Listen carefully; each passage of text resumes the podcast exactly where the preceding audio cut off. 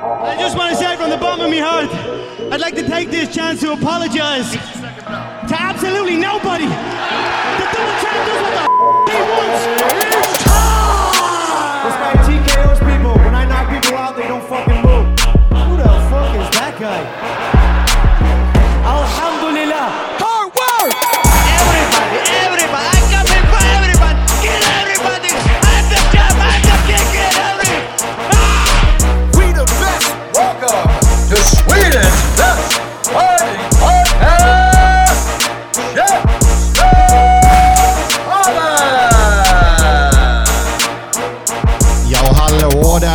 Goa gubbor och gummor och välkomna till Käftsmällspodden Göteborg. Det är ju gör bra.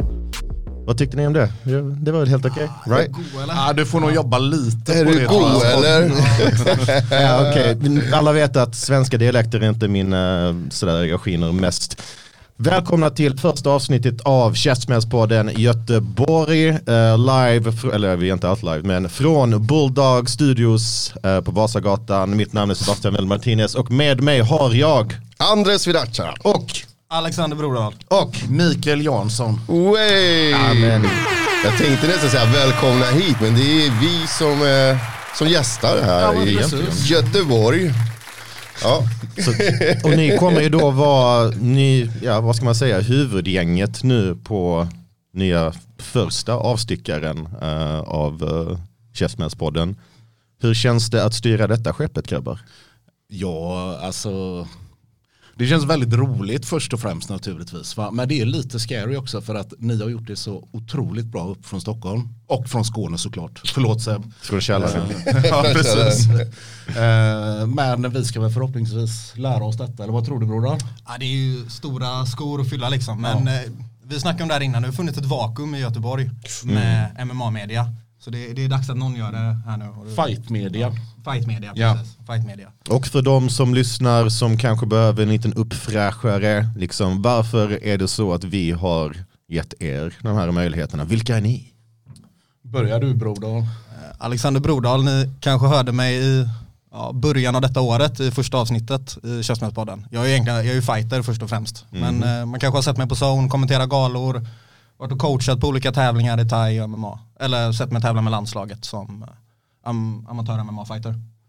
Och älskar MMA-nörd, älskar att snacka fighting. Och så har jag den här vapendragaren med mig då som är lite samma skrot och korn när det kommer till nörderi och kampsport. Ja, kanske inte riktigt lika nördig va? För att du är i nivå med Asha. Alltså på riktigt. Ja, kanske. Ehm, Men ja, Mikael Jansson heter jag som sagt. Eh, Jag vet inte riktigt hur jag hamnade här. Jag bara pratar med andra så på den vägen är det. Uh, tränar thaiboxning på Fighter Center. Har haft monstret som sitter här bredvid mig som MMA-coach när jag körde det. Ja, Stämmer. Det väl typ det.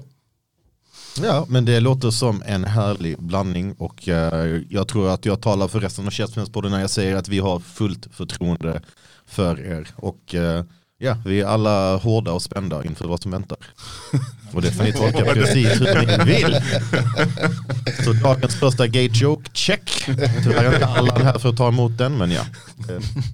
Alright grabbar, vi eh, har eh, det känns som man har klagat ganska mycket på UFC-galorna som har varit och helt ärligt med all rätt. Det har varit liksom, de har skrapat längst ner i tunnan efter typ, ja, någonting som kan vara åtminstone dugligt för en Fight Night-gala och det har knappt hållit. Förra Fight Night-galan så var det ett main event som hade varit helt okej som co-main event i Nikita Krylov mot Ryan Spann och sen så föll den av till och med och så blev det en gala som kändes som uh, leftovers i stort sett. Men nu ikväll, i natt, fick vi se påminnas om varför vi älskar UFC och uh, varför de fortfarande är nummer ett. För detta var en monstergala från början till slut. Det fanns matcher på underkortet som lätt hade kunnat vara main events på Fight Night-galor.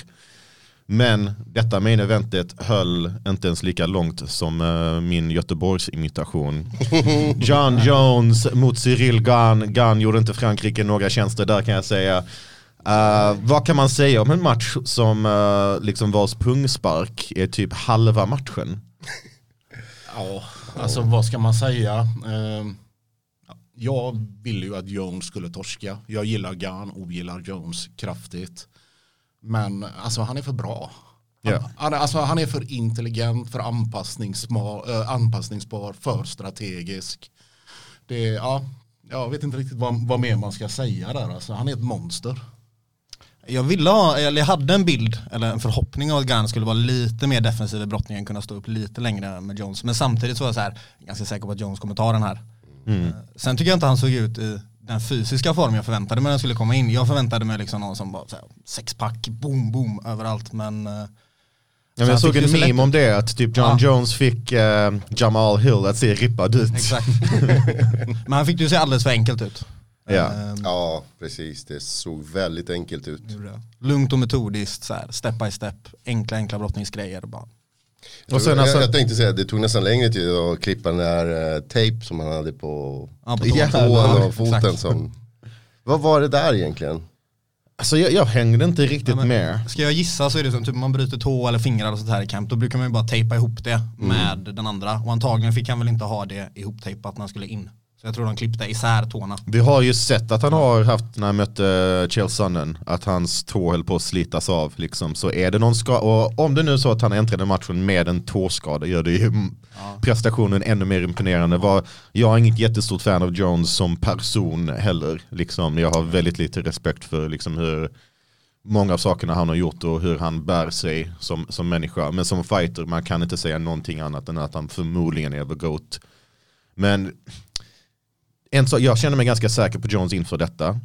Och eh, varför? För att när Gunn blev nedtagen av en Francis Ngannou som hade två trasiga knän så hade han en hel del ursäkter. Ja, men vi hade inte förväntat oss det. Det var inte det vi förberedde oss för. Bara, Okej, förlåt homie, men du går in i en MMA-match och förväntade dig inte brottning. Ni har inte drillat det ett dugg. Jag fattar att det är absolut inte det som man hade gameplanat för Ngannou. Men det kändes som en ursäkt i mina öron. Och jag tyckte han hade så lite att sätta emot här. Alltså jag tyckte inte ens den... Okej, nu har aldrig jag varit i John Jones giljotin. Jag tyckte klappen kom ganska snabbt. Ja, det såg ut som att den inte satt, men sen eh, när reprisen visades så satt den ändå under. Det gjorde han och det, alltså det var ju ingen arm in heller tror jag. Jag, tror, jag, jag, jag vet inte om han fick den alltså, på väldigt tight och jättesnabbt och direkt på typ Adamsäpplet eller någonting. Och det var någon panikklapp.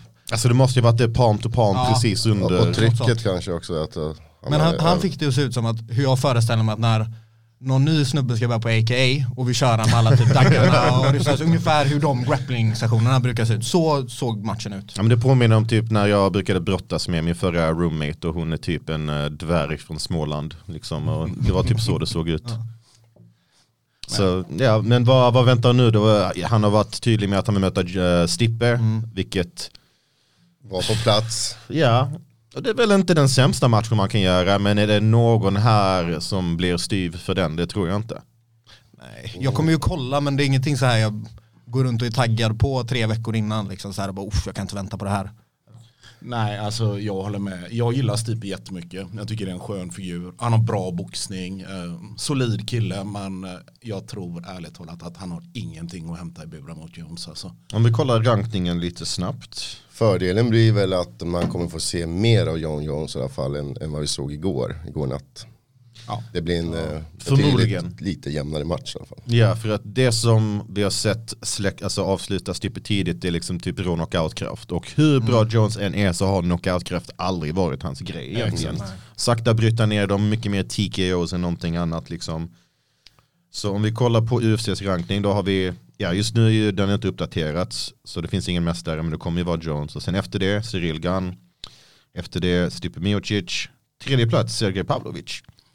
Nästan mer intressant match än Stippe skulle jag vilja påstå för att Pavlovic är het. Alltså han är liksom, om Ivan Drago från Rocky 4 var en riktig människa så är det Sergej Pavlovic. Eh, och han har fan plöjt igenom homies som att det var kalla kriget. Så den tycker jag kan vara intressant. Curtis Blades, det finns Ja. en stilistisk utmaning där för Jones. Alltså Blades förmodligen den bästa brottaren i divisionen. Men igen, det är ingen som Alltså det är någon här som vet någonting om Curtis Blades personlighet. Nej, han är väldigt intetsägande. Och jag tänker, om man såg hur matcherna mot DC såg ut med brottningar, jag har svårt att Curtis Blades gör det mycket bättre. Han kan säkert utmana Jones, han är atletisk, han är stor. Men, men det är samma där, jag, jag ser ju mycket hellre Pavlovic.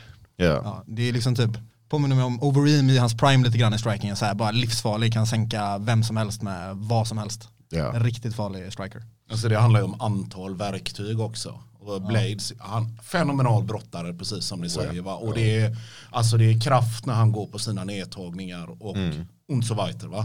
Men det stannar lite där tycker jag i alla fall. Medan Jones då liksom, han, han kan göra tusen olika saker i en match. Va? Det, och det är det som gör att jag, jag tror inte att Blades har någonting som helst att sätta emot där heller faktiskt. Mitt största problem med Blades är att han är en brottare som kommer ut till Mortal Kombat-låten. Förlåt, om du ska komma ut till Mortal Kombat-låten då ska du vara en striker. Alltså det är så enkelt är det. absolut. Det ska vara snurrsparkar, armbågar, hoppknän. Ja. det är det man Ja. Ja, Typ Jair Rodriguez, han kan komma ut till. Mortal Kombat, alltså någon i den stilen, det, det tycker jag. Liksom. eh, Men ja, det, jag tror vi alla är överens om att Pavlovic nog är den mest intressanta nu. Sen så om man är UFC är det en dålig idé att bygga upp Jones som tungviktsmästare genom att först mata honom den förra mästaren. Egentligen, det är ingen dålig idé. Om man vill fastställa honom som han är tillbaks, han är lika dominant som förr men en division upp. Och sen så kan man sakta, helt ärligt offra någon stackars jävel till Pavlovic under tiden. Eller bara låta, alltså sakta bygga upp med lite hype-paket för att plantera de där fröna. Men det är en stor risk för. UFC också. Alltså, kan ni, skulle ni våga sätta pengar på att inom ett års tid att han inte har gjort någon fuck up, åkt dit för någonting, missat Absolut, någon det jag tänkte. Det största risken och utmaning är kanske var efterfesten. Ja, precis. För bara man inte får höra någonting, han är trots allt i LA, eller Las Vegas. Las Vegas, Ja. precis. Men Dana White sa ju det efteråt att han var orolig, han bara du put him back on a plane to Albuquerque right away. Ja, precis. Och det är fan sant ja. Och, och var det till din poäng Alex, jag, faktiskt, jag tror inte någon av oss kan, jag hade velat se odds på det egentligen. Jag, jag är nyfiken typ, hey, Caesars Palace, make it happen, ge oss de oddsen på att han blir diskad av någon anledning. Men eh, ja, faktiskt, jag vet inte riktigt. Det, det makes sense att ge honom Stippe under tiden, men det är inte det vi vill se. Men vi får helt enkelt se vad UFC väljer. Det... Och om vi fortsätter i titelspåren. Viva Mexico cabrones! Där kom det. Den lilla mexikanen som kunde, Alexa Grasso, ingen gav henne en chans. Eh, eh, Jag gav henne en chans, jag tror, jag tror du inte gav henne en chans själv alltså. Jag blev mer och mer, desto närmare vi kom, desto mer tänkte jag att någonting kommer kunna hända. För att initialt så tänkte jag, okej, men vad kan Grasso göra bättre än Shevchenko? Och det enda jag kunde komma på var kanske om de ren boxning, alltså bara boxning. Där kan jag se henne ha en fördel. Men allt annat, pff, jag hade svårt att se någonting. Kanske re, alltså, typ jiu-jitsu, ren jujitsu, bara grappling. Kanske där också. Men att sätta ihop allting och få det funka mot någon som Shevchenko som har varit så dominant. Som har liksom överraskat med hur bra brottning hon har. Alltså hennes eh, fällningar och trips och sånt i clinch. Fantastiska. Men sen desto närmare vi kom så tänkte jag på en annan match som var väldigt liknande. När Juliana Peña skulle möta Amanda Nunes. Och då var det samma sak där. Vad gör hon bättre än Nunes egentligen? Fan jag kunde inte komma på någonting. Men ibland så handlar det inte om vad du har för skills och meriter och sånt med dig in i buren. Det handlar om att, inte om att vara den bästa på allting, men att vara den bästa i rätt stund. Och det var hon. För att hon höll ut så länge som hon behövde, gjorde bra av sig på fötterna och sen så när hon såg den öppningen så tog hon den och släppte aldrig. Och det handlar om många gånger att nå till dem, det är därför vi ser de här skrällarna som påminner oss om varför en Hollywoodfilm aldrig kommer göra MMA ren rättvisa. För att vi ser saker som, hade vi sett i en Hollywoodfilm hade vi sagt att det var klyschigt och orealistiskt. Och hon gjorde exakt det hon behövde och nu har UFC tre mexikanska mästare. En, en interimmästare i och för sig. Brando Moreno, Jay Rodriguez och nu Grasso. Som kan bli aktuell kanske 5 maj, 5 de Mayo. Det skulle vara, Ja, det hade varit mäktigt. det hade varit mäktigt. Det känns som man har väntat på det ganska länge också. Men för att komma tillbaka till matchen, jag, jag har ganska dålig koll på henne sen innan ska jag erkänna. Och jag tänkte bara Valentina kommer köra över henne Mm. på typ alla fronter. Det var det jag förväntade mig. Jag hade också sett, det jag hade sett av henne var att hon var ganska duktig på backen. Mm. Men eh, ja, big up till henne. Det är bra jobbat. Och vi får se nu, vad tror ni UFC? Kommer de ge Valentina immediate rematch? Absolut, det tror jag. Ja. Ja. Och det är väl rimligt också. Det Det är väl jag tror inte någon är, Med säger tanke emot på det, att hon har varit så dominant också. Ja. Varför inte? Ja men verkligen, alltså man har sett så här omedelbara returmatcher för mycket sämre eller för mycket mindre. Så eh, absolut att Shevchenko förtjänar det, hon har varit så pass dominant så länge. Men man har ju sett lite grann, alltså typ matchen mot Tyler Santos, så mycket jämnare än vad den typ kanske borde ha varit. Eh, jag vet att det finns de som anser att Santos vann matchen. Eh, jag är personligen inte en av dem, men alltså kan man föra ett argument för tre ronder? Sure, det är bedömning rond för rond, man kan absolut föra det argumentet. Men har vi börjat se nedgången nu av Shevchenko? Alltså- är hennes prime över? Jag, ursäkta, jag, jag tror inte det faktiskt. Eh, precis som du inledde med här då, alltså fighting, alltså det handlar ju väldigt mycket om hur du uppfattar en specifik situation. Det är därför som alltså en sämre fighter kan vinna över en bättre. Nu säger inte jag liksom att Grasso är sämre än Valentina. Jag hade Valentina som stor favorit här. Eh, fenomenal boxning hos Grasso. Klinisk verkligen. Det, alltså det är ju vackert att titta på när hon slänger händer. Va? Men Valentina är alltså ja men hon är en utomjording. Vad är hon? 21, 21-faldig världsmästare i thaiboxning. Hon har den brottningen. Vi såg alla de takedownsen som hon gjorde här på Grasso nu. va? Och de var jättevackra. De var vältajmade, snabba, de var kraftfulla. Va? Men hon förlorar matchen eh, på grund av att eh, Grasso uppfattade en situation.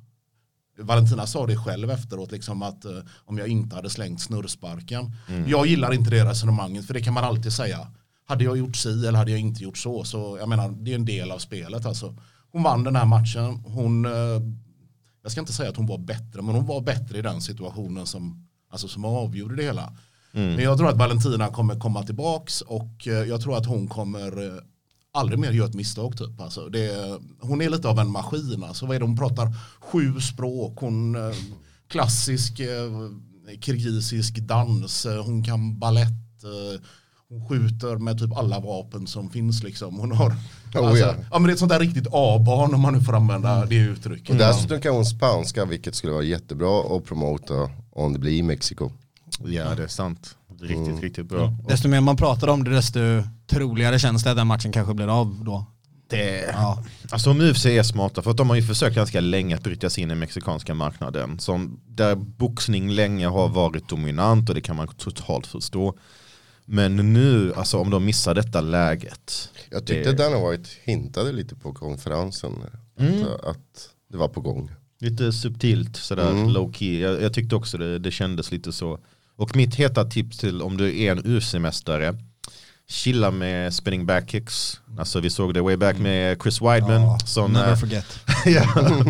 Men nu har vi sett, alltså har ni tänkt på detta grabbar, att ett par väldigt dominanta mästare, Israel Adesanya, Kamaru Usman och nu Alexa, eller så Valentina Shevchenko har alla förlorat mot titelutmanare som ingen har gett en chans. Nunes också för inte så länge sedan. Nunes och, Ja, ja, Ja, precis. Det är kanske dels generationsskifte för att alla de börjar ju bli lite äldre. Men också att eh, man kan inte bli för bekväm på toppen. Man, alltså även om du är på alla sätt på pappret bättre än titelutmanaren. Det, det räcker med en liten slip-up. Tydligen alla förutom John Jones. Ja, alltid bryter de där reglerna. Men alltså det, det är precis det som du säger här Seb, det är ju ett sundhetstecken, alltså att organisationen fungerar som den ska. Liksom. Att vi inte har de här dominanterna längre utan de kan faktiskt få pisk precis som alla andra. Liksom. Det blir roligare för oss som tittar, eller vad säger ni? Ja, Absolut. alltså, definitivt. Men sen så är frågan, kan Grasso hålla kvar? Alltså jag undrar det här om egentligen alla de här nya mästarna, kan de hålla kvar detta eller blir det en one hit wonder? Liksom, blir det en Harley Holm av det? Jag kan se Valentina ta tillbaka det och sen kanske förlora det en gång till. Alltså, Det är ju roligt när en mästare kan hålla bältet tre, tre, fyra matcher liksom och bygga upp lite hype på vad- vem ska slå den, vem ska slå den. Och sen, och sen har vi ju den här aspekten också att även nu, jag tror att Valentina tar tillbaka det. Men Gras har ju ändå visat att hon kan faktiskt ta det. Ja. Alltså så va, och det är bara att ha med sig det in i buren istället för att känna att man liksom går upp mot någon demon eller sagofigur tror jag är, eh, jag tror det är viktigt alltså att man har med sig den känslan. Sen eh, som Andreas påpekade här, det finns ju en liten eh, dark horse i divisionen. Precis. Aaron Blanchfield som eh, ser väldigt stark ut på marken. Som, alltså, om man, jag tyckte nästan såg bättre ut mot Jessica Andrade än vad Shevchenko gjorde. Jag kan hålla med dig på det. Det var imponerande. Och uh, Shevchenko tillfrågades faktiskt som Aaron Blanchfield inför denna matchen. Hon har väldigt sådär typ dismissive av det. Bara äh, vem är hon? Nonchalerade bort det lite grann. Men uh, divisionen som en gång var typ bara Valentinas division som uh, det var no man's land. Alltså det, det, det fanns Valentina och alla andra. Den divisionen börjar ändå bli lite mer intressant får man ändå säga. Och. Grasso var femma. Ja, femma. Hon var inte ens alltså, högre ranken än det, och det. Sen så är det synd att Tatiana Suarez förmodligen kommer lämna divisionen och gå ner till stråvikt igen. Hon är väldigt intressant contender där också. Men uh, Casey O'Neill, också någon. Macy Barber tror jag är flopp deluxe. Men Ja men ja, väldigt intressant och om UFC är smarta, vilket de, när det gäller marknadsföring och sånt och att promota deras egna produkt, är de ofta smarta. Jag misstänker att vi kommer att få se en stor numrerad gala i Mexiko, förhoppningsvis runt Cinco de Mayo.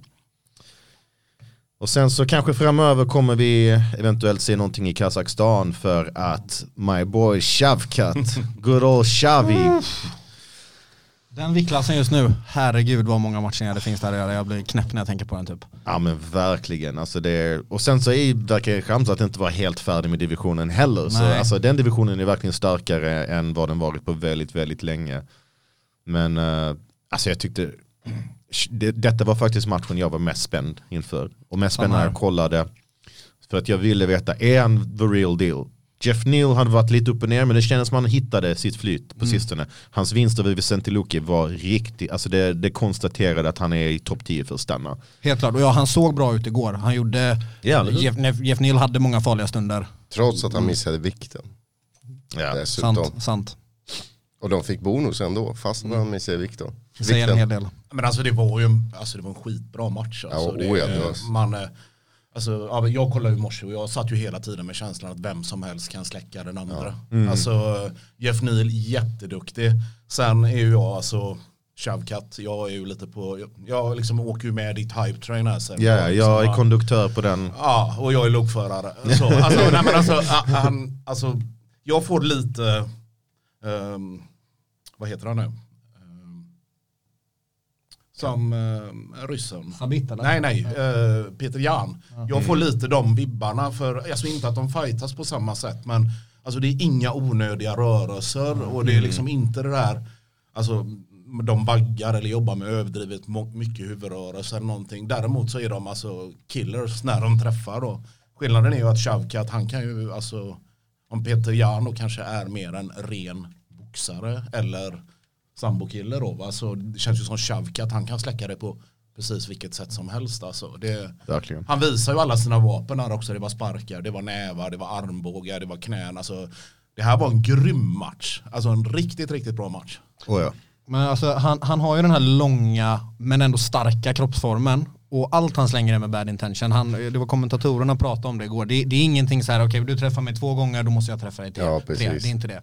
Och det jag tycker han gör bra som är mycket del av MMA, där kanske många brister, det är de här mellandistanserna som bara finns i MMA. Nu släpper vi clinchen, kanske skjuter eller så kommer en armbåge. Men att man inte har en reset varje gång det har varit en clinch eller nedtagning försök, utan där försöker han släcka dig. Men jag får, jag får väldigt mycket Sabit-vibbar av honom. Det kanske är för den här långa kroppen och lite som du sa, inga onödiga rörelser. Kanske inte fullt så flashy. Nej men, precis, det här, inte så fullt. men det här livsfarliga, kyliga. Men det är någonting också med, alltså, han är nästan typ nonchalant i sin fighting-stil. Att så, slagen kommer typ från ingenstans känns det som. För att, igen som du säger, han, på inga onödiga rörelser. Det känns knappt som att han sätter upp slagen. Liksom man ser inte de här samma byggblocken som man ofta ser i kombinationer och sånt. De kommer från ingenstans. Och det, det ser ut som att typ han håller på att värma upp i matchen. Han har ett otroligt lugn. Även när han fightas utan tandskydd till och Ja. med. Vilket jag hade flaggat för det direkt. Jag bara, hey Herb, kan du sluta röka dina herbs och plocka upp tandskyddet liksom? Eh, Joe Rogan fick säga till honom att ta upp tandskyddet. Jag tror inte ens Herb hade sett det, verkar det som. Känns som Herb har slippat lite på... Ja, faktiskt. Men eh, vad, vad väntar Shavkat nu? För han var rankad eh, på nionde plats Ja, har jag för mig inför detta. Fortfarande obesegrad. 16-0 va? Tio? bara avslut. Bara avslut på den här nivån, det är helt galet. Det är galet. Jag, jag tror tyvärr inte vi kommer få se mot Chamsat riktigt än. Om vi ens får se den en gång. Sen ska jag inte säga aldrig. UFC kan svänga väldigt snabbt. Jag, jag tror att de kommer köra Shamsat till eh, one- 185 nu mot middleweight och det, är- det är väl det de har sagt. Den kan man se emot. Jag Jag, skulle, jag skulle vilja se att de slänger någon mellan där innan man... Ja, ja, ja. Det är- Kanske just Vicente Luque eller... Jag vet inte Steven Thompson. intressant Luke är och jag, jag gillar Wonderboy. Jag vill inte se han bli mörbultad av Shavkat. Uh, så ja, inför detta så var Shavkat delad nionde plats med Vicente Luque. Han hade hoppat upp en plats i rankningen så du hade rätt där. Uh, och så slog han nu sjunde rankade Jeff Neal. Så om vi går igenom bara så här rankningen för, eh, eller så här, eh, ja, framför Shavkat. Delad nionde plats, Vicente Luque. Åttonde plats, divisionens mest överskattade fighter, Sean Brady. Eh, jag har trashat honom ganska mycket. Eh, sjätte plats, Wonderboy. Femte plats, Gilbert Burns som ska möta Jorge Masvidal, så han är redan bokad. Eh, fjärde plats, Belal Mohammed. Tredje plats, Ramzat. Andra plats, Colby. Första plats, Usman och sen Leon Edwards. Tycker det, det finns ingen jätte som... Kallade han inte ut Colby igår? Gjorde, jag, Ja, det jag, gjorde han va? Det gjorde han va? jag, jag kollade faktiskt inte på hans postfight. Jag var lite sådär, Ja, men jag har för mig att han gjorde det. hade gärna sett det. Nu muttar han ju en duktig striker, Jeff Neal. Mm. Eh, hade varit kul att se mot en bra grappler. Men sen, Faktiskt. Tror ni Colby är redo att fighta sen eller är det fortfarande den Masvidal eh, lawsuiten som kan ställa till det? Alltså det, där, det ser väl inte bra ut för hans fall om han, för att han Nej. hävdar ju liksom att jag har hjärnskador på grund av den här attacken och uh, då ska han gå in i en UFC-bur och fightas i en topp 10 match. Det, det ser ju inte bra ut för hans court case liksom. Så jag vet, jag vet Colby är, jag har inte varit ett jättestort fan direkt och nu är det typ, du har en andra plats i divisionen och du håller upp den divisionen. Missförstå mig inte, vad Jorge Masvidal gjorde var så fegt och fult och dumt, alltså hoppa på någon sådär utanför en jättefult, men ska du gå från att vara sådär, gå runt och kalla alla för snöflingor och lättkränkta och sånt och nu ska du leka offer i jag vet inte hur länge och uppehålla den divisionen. Ja, det, det är hyckleri deluxe kan jag tycka. Jag hade jättegärna sett den matchen. Annars tycker jag Belal Mohammed är en, en rolig motståndare också som kan testa på liknande sätt. Eh, Rolig. Ja, inte att han är rolig, han är typ som att ta tre Atarax, men liksom, jag tror Shavkat hade gjort den matchen rolig. Så här, eh, Belal är ju skittråkig, men jag, det hade varit synd om, om honom lite på något sätt att han skickar Schachmans mot honom. I det här läget. Det hade varit så här lite, Det var synd. nej, jag tror han hade blivit lite bitter. Okej här, du får den här kasaken som bara är slagit sedan han var två typ. Ta honom. Ja, Men alltså Belal, um, ja, men alltså, han är, ursäkta att jag säger det, han är skittråkig. Precis som du sa, det är, det är inte tre Atarax, det är liksom hela paketet. Liksom. Och några folköl på det. Typ. Oj, Så, oj, oj. Då sover man gott.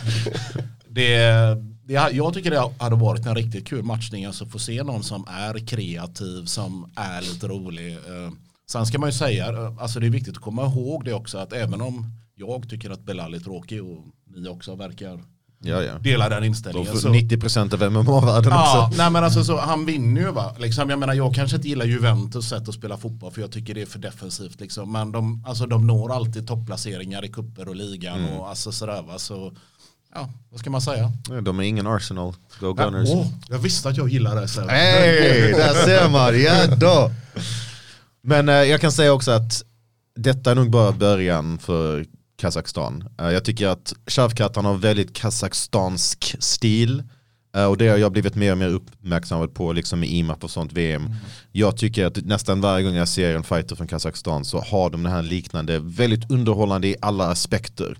De har en bra brottningsgrund som man inte kan, alltså som oftast är underskattad, man tror inte att de är lika bra som de är lite halvavig stil och sen så typ med mycket mer flashiga hårda slag än vad man förväntar sig från någon som ska vara typ en, en brottare. Jag, jag är så hypad och eh, ja, jag, jag ser inte mina bröstvårtor bli mindre styva om inte vi byter samtalsämne snart. Så. Alltså kasakerna är ju grymma, på samma som du har sett på IMF, det är likadant på IFMA när de är iväg. De har någon hybridstil, det är inte ren thaiboxning och är, de är väldigt flowiga. Men de, de får mycket support av sin stat vet jag. Jag vet inte om det är presidentens bror eller något sånt där som är thaiboxningsförbundets eh, president. Liksom. Jag kan ha fel på land men jag, jag tror att det är Kazakstan.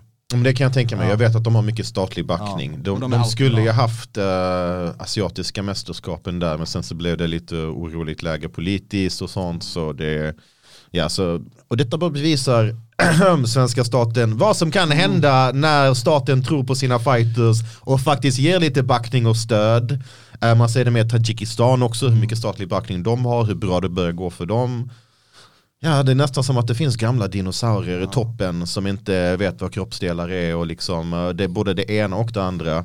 Så eh, man kan ju, ja det är synd att corona inte skövlade en hel del politiker i Sverige. Cash up Sverige. Det lät som en... Ja, en av många, jag har nog en del käftsmällare att ge ut eh, det här avsnittet faktiskt när jag tänker på det.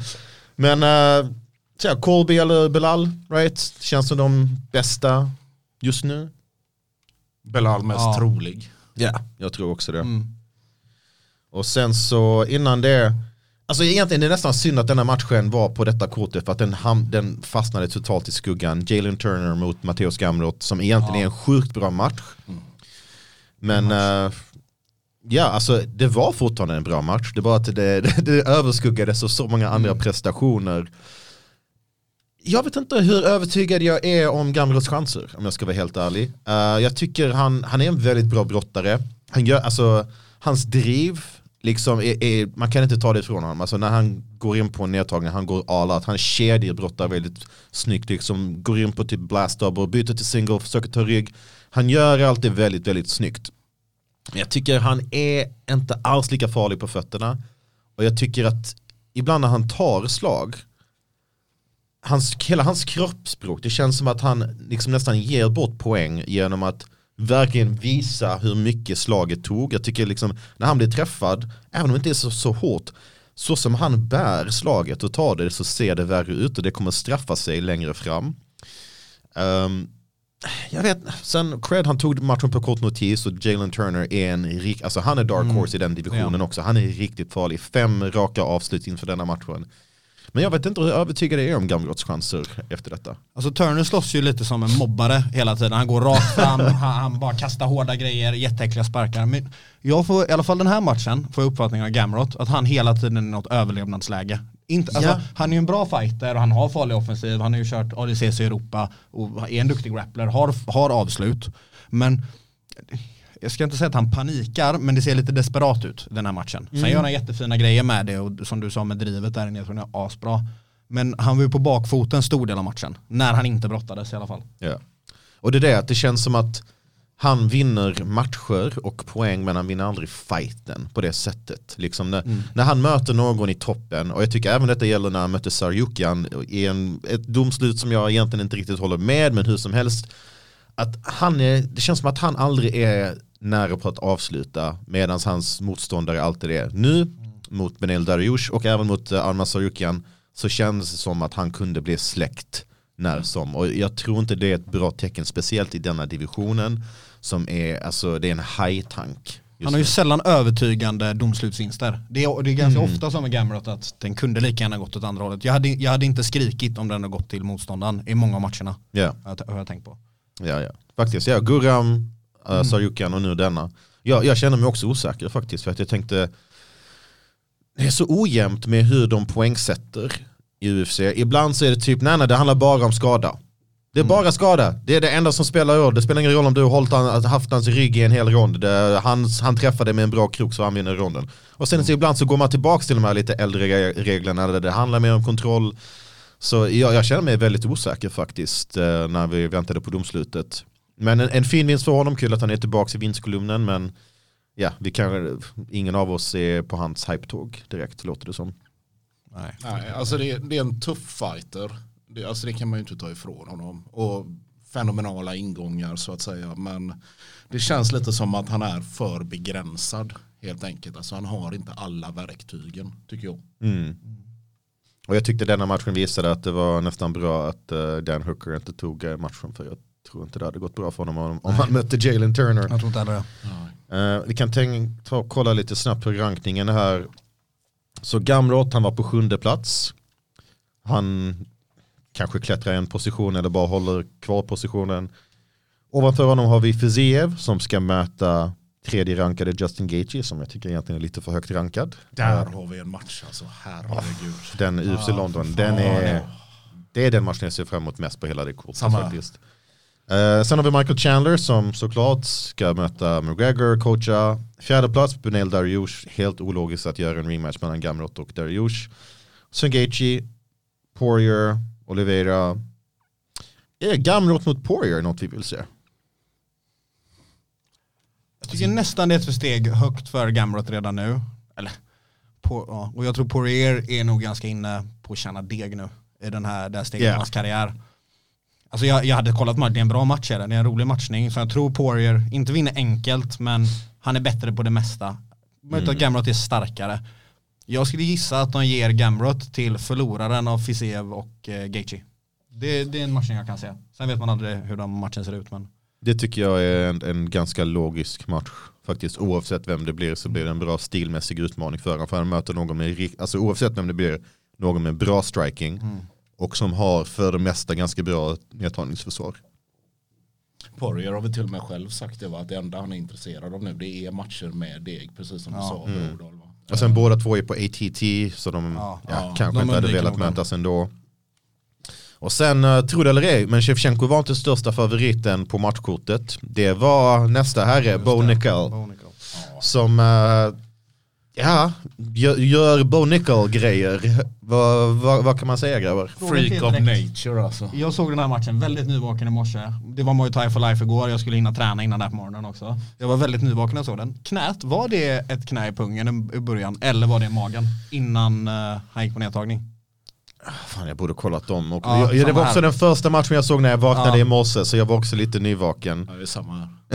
Ingen vet. vet. Okej, Andreas? bra. Jag har inte sett Men vilket jävla monster Bo Nickel är. Man Ja, ser det att han, han kan typ paja luften när han rör sig så här, gör ett hål i saker och ting. Ja, alltså herregud. Det, jag hörde honom, han, han var ju hos Matt Serra och Jim Norton i veckan också då, och det, det verkar vara en skön lirare, alltså som person också. Jag tror hans mamma var boxare och pappan brottningstränare då. Och, eh, alltså den styrkan, den tajmingen han har, alltså det alltså man får mardrömmar nästan alltså. Många hade ju åkt av i den backtaken. Som om folk Ja. hade försökt ta rygg på det sättet, de flesta hade ramlat av där. Men han löser det lätt för han spänner sin vad. Så Det, fast. det känns som att han är undantaget som bekräftar regeln när det gäller många brottnings och Ja. grappling-grejer. Så är det. Ja, för det var någonting jag tänkte på.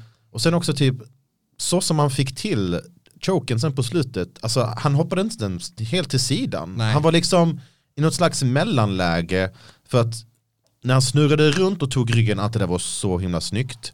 Och sen så frågade jag mig själv hela tiden, okej men homie varför går du inte till side control? Det kommer ju göra din choke lättare. Varför stannar du kvar det här mellanläget liksom nästan, nästan halvgrads arm triangle. Men han får det att funka och det är ju bara för att han har ett otroligt tryck. Hur konstigt är det att se någon när de presenterar honom innan matchen, 3-0 och kör UFC main card. Det, är, det är riktigt weird. Är det? Ja, vi, vi har inte sett det sen uh, CM Punk. Nej, exakt. Men eh, ja, detta var, han klarade testet helt utan problem. Uh, briljerade rakt av. Eh, det enda han gjorde fel var att han typ tappade balansen med den sparken han slängde. Vilket är, ja, svårt att hitta någon stor kritik där. Mellanvikt, eh, en division som, är han redo för topp 15 redan? Jag är beredd att säga att han är det faktiskt. Om vi kollar på rankning också så kan vi se vem vi har i övre skiktet. Är Kelvin Gastelum en intressant motståndare? Eller är han lite för slut? Alltså han, Gastelum, jag blir inte riktigt klok på honom för att eh, ibland så undrar man ju alltså, om man ens bryr sig när han går upp i buren. Alltså nej men lite sådär liksom va. Men samtidigt alltså den matchen mot Issi exempelvis, ja det var länge sedan men det visar ju ändå på det här krigarhjärtat han har alltså då. Det, det känns som en kille som att om han vill vara där då kan du aldrig räkna ut Gastelum alltså. Alltså han har granit i händerna, han är en bra brottare. Han, alltså, han är tuff när han vill, men samtidigt då så kan det ju vara Gastelum som bara går in och så, "Ha, ska vi få det här avklarat, gör vad du vill med mig och så går jag hem sen. Liksom. Det är Michael Johnson och Kelvin Gaston är sådana, de kan knocka så här.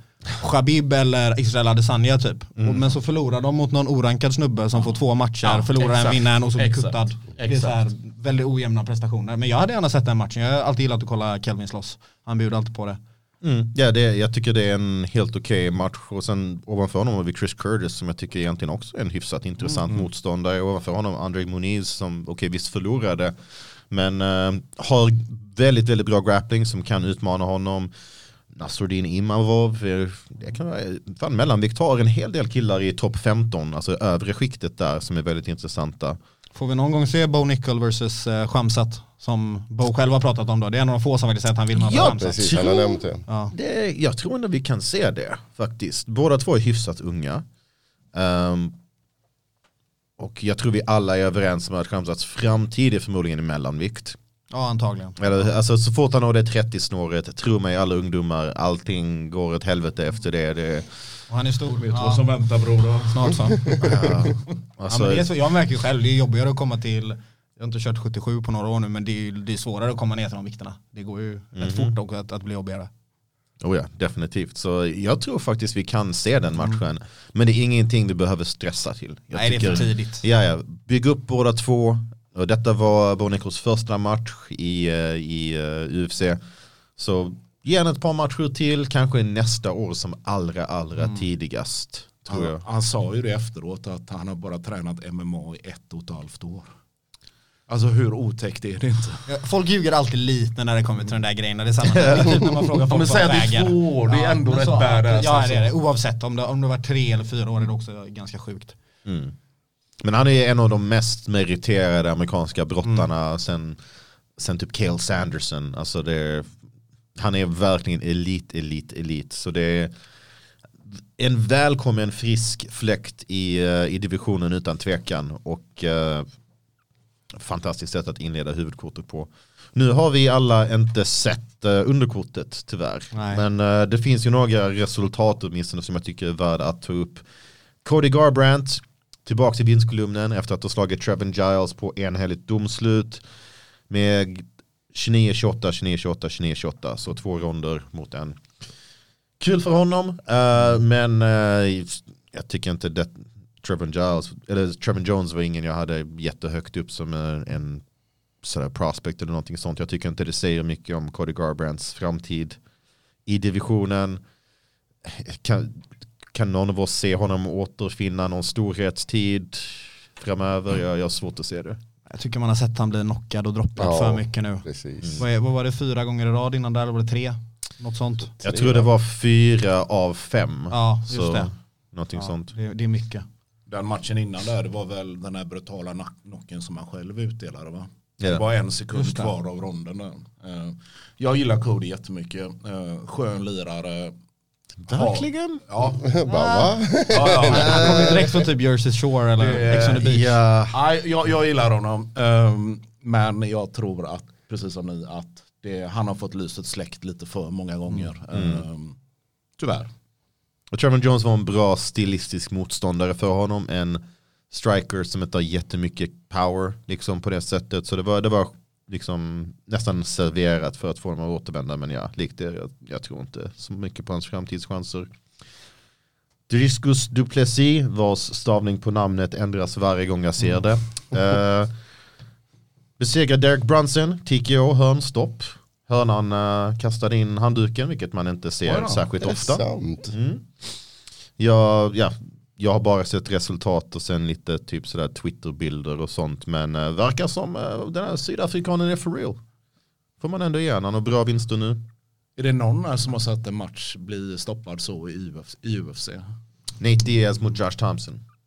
Oj, Just det. det. var ett tag sedan. Way way, back. way, way, way back. Mm. Det kommer inte jag ens ihåg. Ja, det tillhör inte vanligheterna i alla fall Nej, att det där sker. Nej. va? Så- Och jag tycker faktiskt, tack, sätt ett exempel. För att vi har sett många gånger att typ, och man ger alltid all kritiken till domaren. Och visst, domaren borde ha kritik för sena stopp. Men jag tycker det känns som många gånger folk ger inte dugg kritik till hörnan som precis. också har ett ansvar i att se till att deras fighter inte tar för mycket onödig skada. Så jag faktiskt välkomnar detta. Eh, jag tycker hela den här macho-grejen med typ, oh, jag tänker aldrig tappa, liksom okej, vet du vad det är fine, men då tycker jag att din hörna ska tappa åt dig när du är totalt underläge och inte kan fortsätta. Vi såg det med typ Edmund Shabazian mot, ironiskt nog, eh, Derek Brunson, där han inte borde gått in till den tredje ronden. Det, det var liksom en tjänstefel av hans hörna tycker jag. Alltså, 100 procent alltså, jag håller med dig verkligen. Man vill ju inte som fighter att eh, handduken ska kastas in. Men handlar det om tre, fyra extra onödiga slag som gör att du tävlar tre månader senare än vad du hade kunnat, kasta in handduken. Ja. alltså jag fattar, Ja. man, man, det, man är stolt, man, man är ego, man vill inte det. Men hörnan får ändå känna av det där, det är viktigt. Live to fight another day. Liksom det, det var det jag med om. Och eh, sen, ja inte så mycket mer att säga utöver det. Vi såg ey, Tadzjikistan, Balpesh, Balpesh, Balpesh. Loik Rajabov besegrade Esteban uh, Ribovic. Domslut och sen Farid Basharat från Afghanistan besegrade Damon Blackshear. Också domslut. Så vi börjar se lite de här centralasiatiska länderna få framgång och jag, jag tror verkligen att vi kommer se mycket, mycket mer framöver. Det, detta är nu den andra tajiken också som har tävlat i UFC. Jag har glömt namnet på den förra som fightades på förra galan. Men han hade liksom ett helt eh, fotboll, en hel fotbollsarena med tusentals fans mitt i natten i Tadzjikistan som kollade. Så det, ja, det är nog eh, bara början. Vi får lära oss uttala ett par av de här riktigt svåra namnen. Som, uh, fan, kazakstanska namn. Ja. Tro mig, alltså det finns någonting väldigt speciellt med tajikistanska namn. Jag ska visa er en som när jag fick på eh, asiatiska mästerskapen i Tadzjikistan. Jag bara typ, ey, någon måste komma hit. Detta, detta kommer inte funka. Så grabbar, hur uttalar ni detta namnet? Sanchar Shakshil Kalbabev. Ja det var svårt. Det där går inte. Det där är, det är som, Jag håller med Broder. det ser ut som jag ett alfabet typ. Det lät som eh, maträtt. tycker jag. jag blev hungrig i alla fall. Jag tycker det ser ut som att man somnar på tangentbordet. ja, faktiskt. Eh, för de som undrar, detta är en fighter vars namn nu har jag verkligen lärt mig uttala. Och det är inte lika svårt som man tror, men alltså stavningen är helt galen. Sanjar Jakslikbajev uttalas Okej, det det. men alltså när man ser det, var typ, och jag kan bara föreställa mig Joe Rogan när han har sådär tre spliffar in i UFC-sändningen. Alright, now we're welcoming San, Sanjar Ja- Jaks, Jak, Zaksulili, I don't even know how to pronounce that name. Jag har sett han göra det på polska namn innan så.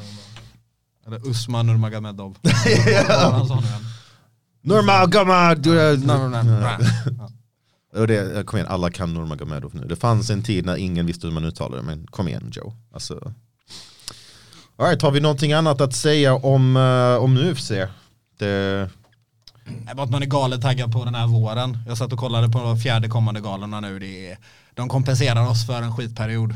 Det är som att de tajmar in det här solljuset och att det blir lite varmt igen. Så här, nu har alla varit deppiga. Nu, vi kör allting på en gång. De kan vara deppiga. Vi behöver inte höja det då. Utan vi tar allt när det börjar bli bra. vad är ens nästa UFC-gala? Är det inte Edwards vs Usman? Ah, det finns någon, alltså det är Lite nästan young. numrerade. Men, Ja, jo, just det. men det är inte nästa, vi ska se här. Ja ah, okej, nästa faktiskt är riktigt bra. Uh, Peter Yan mot uh, Merab Dvalishvili, Fight Night. det ja. där, Där har vi en Och match. här har vi även det är en svenska. Fight Night-gala. Så ska det se ut i UFC. Här har vi svenska Anton Turkal på kortet tror jag. Oh, Ja, det också. precis. Han mot- mot en möter. Vitor Ey, Petrino. Co-main event på denna, Alexander Volkov mot Alexander Romanov i tungvikt. Alltså en av få tungviktsmatcher i, på en Fight Night-gala som inte känns som den är kvot, inkvoterad för att ha en tungviktsmatch. Ska jag Och säga- sen, eh, Ska jag säga det också, ursäkta mig. eh, Just Anton Turkay kommer vi få hit till eh, podden i Göteborg. Jag har pratat med honom och han har lovat att, Härligt, härligt. lovat att dyka upp. Och eh, även hans eh, coach då eh, kommer vi också köra ett avsnitt med. Fan vad nice. Kanon. Denna galan är, alltså, fan första matchen på underkortet Abubakar Nurmagomedov. Nice. Och sen mer på huvudkortet så har vi Mahmoud Muradov mot Abus Magomedov. Abus Magomedov, han tysken som debuterade på UFC Frankrike och vann på knockout i typ 30 Ja, jajamän. sekunder med frontsparken. Han är ju riktigt spännande. Och sen så har vi eh, Said Nurmagomedov mot Jonathan Martinez. Detta är, tack, så här ska en Fight Night-gala Det se är en ut. fight night gala alltså, det är Ja. helt otroligt. Inte bottenskrap från uh, tunnan av liksom fighters som är på väg ut från organisationen. Tack Har vi någon sån bra tidgala kommande nu som, man in, som inte börjar sådär fyra? London. Ja, förutom, London. Ja, förutom någon, eller alla Vegas eller USA. De, jag tror alla är det. Vi kommer inte se en till sån random eh, gala som sänds med koreanska sändningstider på ett bra tag. Och sen nästa Fight Night-gala efter det är, Ja. är, är Chito Vera mot Corey Sandhagen. En sån match. Den är riktigt kul. Corey Alex Caceres mot Nate Landwehr, det är också roligt. Chidi Anukwani mot Albert Duraev. Det är väl i april där det är roligt att ta slut kanske eller? Ja, men jag tror vi har... är 23 det inte- april. Oh, Pavlovich mot Blades, den är bokad. Eller? Jag tycker inte den ser så rolig ut. Eller? Alltså den matchen är ju kul, det kommer ju producera nästa titelutmanare. Men hur ser resten av kortet ut där då? Sonja, Nej, det- det är Sonja bara- Dong mot, eh, Ricky Simone. ja jag tänkte säga hockeyfrillan. Men vi har väl Adesanya Pereira 2 i början av april tror jag. Mm. Det kan... 9 april. Stämmer. Okej. Ja, men fan, UFC har, uh, har plockat upp sig, ryckt upp sig lite grann och äntligen levererar lite roligare galor. Men uh, ja, med det sagt och gjort så har vi väl Veckans käftsmäll. Är någon som sitter på en käftsmäll? Jag har varit på bra gala igår och tränat nu på morgonen. Jag har kollat på UFC, jag är på sjukt bra humör. Jag har nog inga... Jag var, på samma, jag var på samma gala igår, jag har också tränat i morse, har också kollat på UFC. Så jag är som en solstråle hela jag idag. Jag har. Klart. Som stockholmare måste jag faktiskt ge en käftsmäll till uh, Göteborgs trafik. Det känns som att det pågår ombyggnad överallt, det är svårt att ta sig till platserna. Och sen de här jävla spårvagnarna. Nej, Alltså jag kan det har varit svårt. Eller? Jag håller Det med händer dig. mycket. Men jag var i Stockholm förra helgen. Jag det var. saknar Stockholms trafik. Måste Nej, den är, den är hemsk, den är vidrig. Man hamnar i kö bara, man, man blinkar och så är det 800 bilar framför en helt plötsligt. Men ja, den är, den är kass här med. Alltså, Men, men det, Andres, du vill fortfarande vara göteborgare va? ja, ja, absolut. Ja, absolut. det. Jag åker gärna paddan. Min, eh, jag har två käftsmällar. En går till eh, Herb Dean som jag tycker verk, alltså, nu är Shavkat en jävla krigare, en nomad som jag säkert tror kan fightas utan tänder. Men han gick typ två och en halv, tre minuter utan tandskydd. Det fanns lägen att snabbt bara sticka in handen och bara Ey! Och att han inte ens var uppmärksamad på det. Joe Rogan fick göra det. Ja, jag, jag, tycker det var en, en dålig domarinsats där och eh, det är värd en eh, käftsmäll. Jag tror att han kollade efter men han, han, det såg ut som att han inte hittade den. Det var det försvann i uh, sponsor. Jag tycker han har känts förvirrad ganska mycket. Och eh, det är synd för att han har varit en av eh, de bästa domarna. Men ja, för just det så en liten käftsmäll där. Och sen min andra käftsmäll går till eh, hovrätten, speciellt eh, gamla dinosaurier som uh, friar pedofiler för att de Ja, inte fy fan. förstår. eh, Självklart. Ja, eh, det är, jag, svenska rättssystemet är ett jävla skämt. Liksom en, eh, en ammo som skattefifflar för typ 20 000 på ett år. Visst, han kan få tre års fängelse utan problem. Någon, eh, någon eh, skateboardare som har lite weed på sig, han ska ni se till att ta. Men sådana här tillfällen, folk som ska, alltså vem vet hur många liv han har förstört. Den här mannen, inte bara på den lilla flickan, föräldrarna, allt möjligt. Och så frias det på grund av dinosaurier som, eh, som inte borde sitta och ta beslut över eh, ja, speciellt unga människor. Så ja, stort fuck you till hovrätten. Ja, fuck off. Helt rätt. Alright, uh, med den eh, glada tonen så lämnar vi första avsnittet Käftsmällspodden Göteborg. Men eh, det var bara början för vi kommer eh, ladda om alldeles strax för en eh, sammanfattning av Muay Thai for Life som verkligen var kanongala, kanske organisationens bästa. Det är alltid lite recency, recency bias men eh, Fightkortet var det bästa. Ja, kanske en titel kanske hade varit, ja, vi, vi, vi kommer att komma till, vi kommer kommer, vi det. kommer till det. Så äh, tack så mycket för att ni äh, joinade äh, oss här på Chessmanspodden Göteborg. och vi ses igen i nästa avsnitt.